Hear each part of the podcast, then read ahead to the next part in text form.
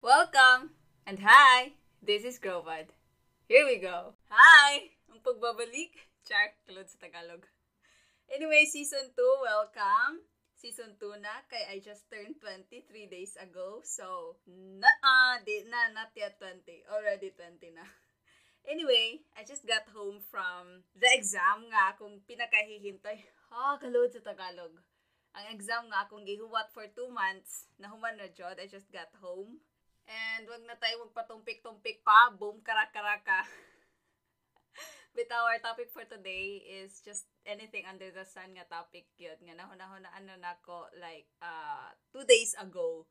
Pet peeves. Kay since na- na-enjoy man ko paminaw before nga nakapaminaw kog pet peeves sa ka podcast pod na-enjoy jud ko and I thought of doing pod in my own podcast as a starter, you know, as the first episode for season 2. Kaya it's fun, enjoyable. As in, I swear, ma-enjoy mo. Ma-enjoy mo paminaw sa mga, bas hindi ay pare-parehat ang mga pet peeves ninyo. Basig pare-parehat ang mga reklamador of a certain koan, certain situations. So, uh, I hope you'll enjoy this, but I swear nga ma-enjoy mo. And you'll have uh you'll laugh you know? Uh yeah here we go. So first of all if mangutana mo na ko or like randomly like mangutana mo na ko what are my what is or what are my pet peeves? And the first thing that's on top of my head is this. Kanang mukaon bitaw nga saba kaayo mo usap like it's annoying I mean, I get it. Kanang crispy nga pagkaon, that's okay. Kanang crispy like chicharon or kanang panit sa lechon. Okay ra ko na nga saba and that's, you know, uh, satisfying nga saba.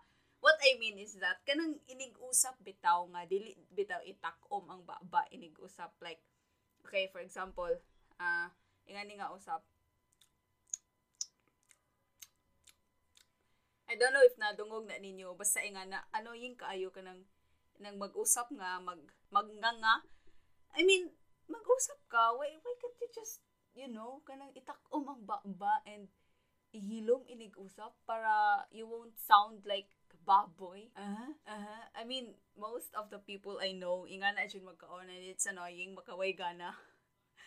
and kana sa balay mga on me and akong brothers, mga brothers, inga na dyan magkaon, kinasabaan magkaon. Ako na silang badlungon. Pero di dyan sila mag naanad na gid bitaw sa sila nga kana ingana magkaon. So, mo na nga masaba niya mura sila baboy paminawon magkaon. Ingana ano yung kaayo. Ugh. Nya lain ba ya kaayo paminawon na nga na niyan. Mukaon mo anong mga fine dining. Nya ingana ka mo usap saba kaayo. Diba? Wow, kaayo. Oh, please, mukaon, please. Taro nga usap. Please. Please lang. Ikaduha, kanang muhigop og sabaw, kanang inighigop nga pakapinagtingog. Kanang ingani nga higop oh, kay ingani ha. Wait, tubig ni akong inom.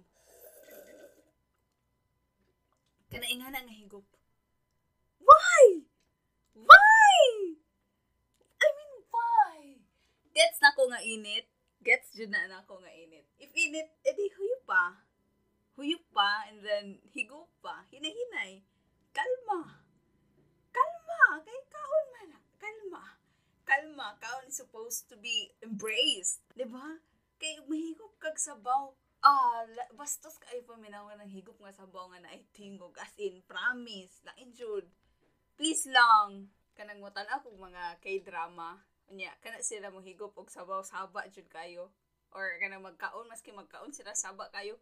Ako kinang ihinay ang volume. As in, like, ah, ambot na lang, di ko kagwanta, ambot. Sorry. Sorry na lang. Number three, kanang mag-usik og naimumuho sa naong.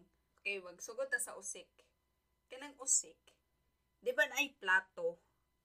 And then ay kutsara, na ay tinidor. Kay para ang tinidor mo mo tabang sa kutsara nga ma punit ang ang pagkaon. And kana mo ni magtabang pod nga di ka mag-usik mo nang naiba-ba mo nang naiba-ba na kutsara para inikaw na to di ta mag-usik pero nganong mag-usik kanang kaning mga on may sabay plato Then, napa dyan na placemat. Kay kana lagi, para way usik sa lamisa. Unya, kani akong duha ka igsuon laki na, na gani placemat. Napa dyan ay usik nga mo moambak sa placemat. Ngano?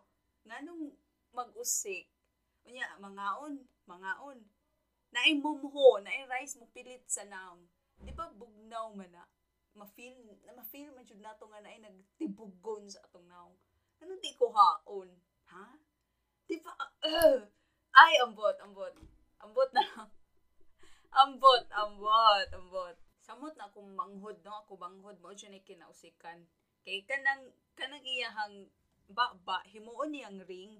Nya, kanang iyahang kutsara nga na ay pagkaon, himuon niyang bula. Maresulta, ishot niya ng pagkaon siyang ba-ba. Ang resulta, kinausikan. Kanang inighungit niya nga iyang ishot, nga murag magduwa-duwa. Ambot na lang ka batanon. Ambot jud ang kunya inigbarog sa lamesa di bit-biton ang plato. Usik pa, wa pagibit-bit ang plato. Ambot, ambot na lang. Ikaupat, kanang magluto, mag-slice og mga lamas, ng pakpak sa ahos, bombay, sa pa na diha, na di hipuson, na ibilin ras lamisa. Nya ang mahitabuan na ang lamisa, ang countertop, or ang island, kinahugawan, kinasabutan, na ay pakpak sa ginisang mix, pakpak sa magic sarap, na ay pinanitan sa Bombay, na ay ikog ana ang dahon sibuyas, na pakpak sa ahos, namilit kay basa-basa ang countertop, di namilit. Anong di ay nga na may basurahan, anong di ka hipos, di ka after slice, after mag-prepare sa mga lamas, hiposon, i ihimoong trapo ng kamot ilabay sa basurahan ditso para di sagbot ang kusina, di di hugaw ang kusina inig luto og after luto.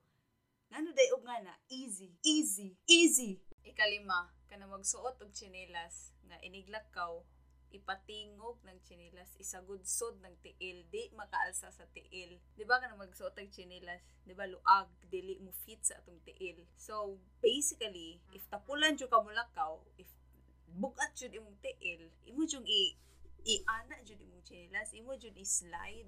Di gyud mo alsahon imong tiil. Pero if di ka tapulan mulakaw, gaan imong tiil, imo jud syempre imong alsahon imong tiil iniglakaw. Hilom walay saba. Kanang mga kanang mga mulakaw no nga saba kayo. What is the 10 kilo foot you have, di ba? Ano bugat kayo? 10 kilos na inyong usa ka tiil. Nga nung isagudsod man ng chinelas. Ika 6. I find it very annoying, you know, kanang manghu na manghuwam sa akong gamit. Plastada kayo akong gamit. Kunya manghuwam, inigbalik, wa na. Nagka, na, nagnanayaw na. Nanayaw na ang mga papel. Kanano akong kuya, nanghulam na siya, one time nanghulam na siya og kanang blackboard, ako nang ko'y blackboard nga gamay niya.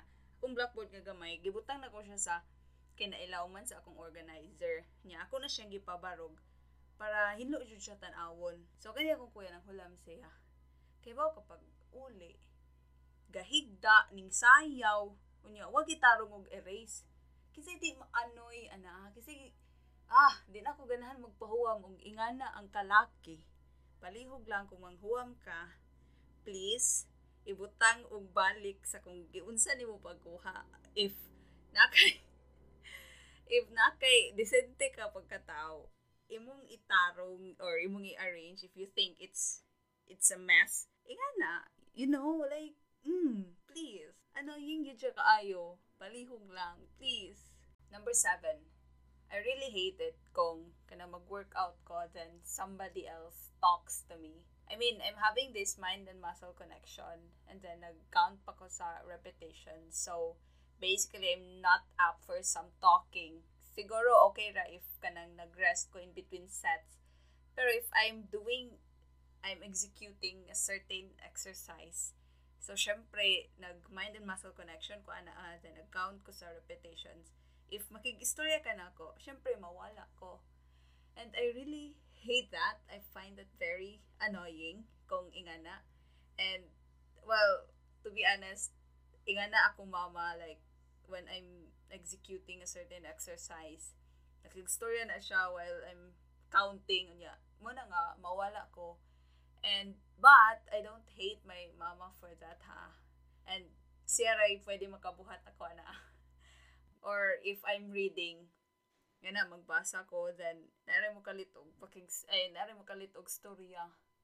And then, I'm in the middle of the climax. Oh, ambot. I find that very annoying yun. One time, na ako nagbasa ko, I was in the table, kay padong na may mag-lunch, and then while waiting sa hinukad, I was reading, and then first time ko nagbasa og sci-fi, kay I'm more of a non-fiction nga person. So, specifically mga self-help or mga business chuchu nga books. So, first time ko nagbasa sa sci-fi, then amazed ko sa climax. So, moto niya, then timing nga, kanang gitawag ko mama, nag-extra si mama na ako, timing na ako sa climax. Na-annoy ko, na-frustrate ko, nasingkana ko ako mama. And that is just some kind of X, a very turn off. And moto biggest lesson ako and di na na ako na mausab a mistake and I've learned from that. So, what I did, di na ako magbasa, di ako magdag libro sa kalalanan para wala magkasamok. And then magbasa ako if I'm alone or like every Saturday. That's my time for myself man. So, reading and read and read para wala yung samok. So, musitra ko in a corner then spend some time, mga 4 to 5 hours of reading every Saturday. And yeah, that's it. Basta I find it really annoying if kanang madisturbo ko when I'm doing something.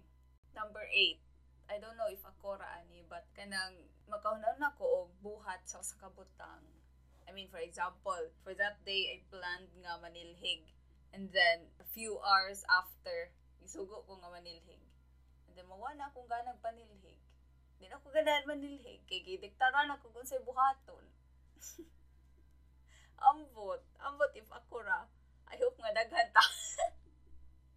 Pero bitaw, ay, ay mao jud na ay. Sukad pa jud na sa una. I hope nga daghan ta. Para di ko makakuan. Charot. Number nine. When somebody touches my hair without my permission. I mean, hey, that's my hair. Private man na siya nga butang. I mean, that's part of my body. Why are you touching my hair. I mean, okay, right? So, kung ta kang pa-braid or magpasudlay ko, that's okay. Kapo ni akong buhok nga naay permission. But, if wala, wow, why? Why? Hmm, why? Okay, last, nani, number 10, for now. Kaya pa lang, reklamador na chuta kayo, no? Pero reklamador jud pud ko. Pero sa pagkakaroon, tensa, and uh, sunod na po ng uban nga pet peeves sa next episodes na po. Kay, syempre, napatay dagang pet peeves, no? Nga na ta ka reklamador.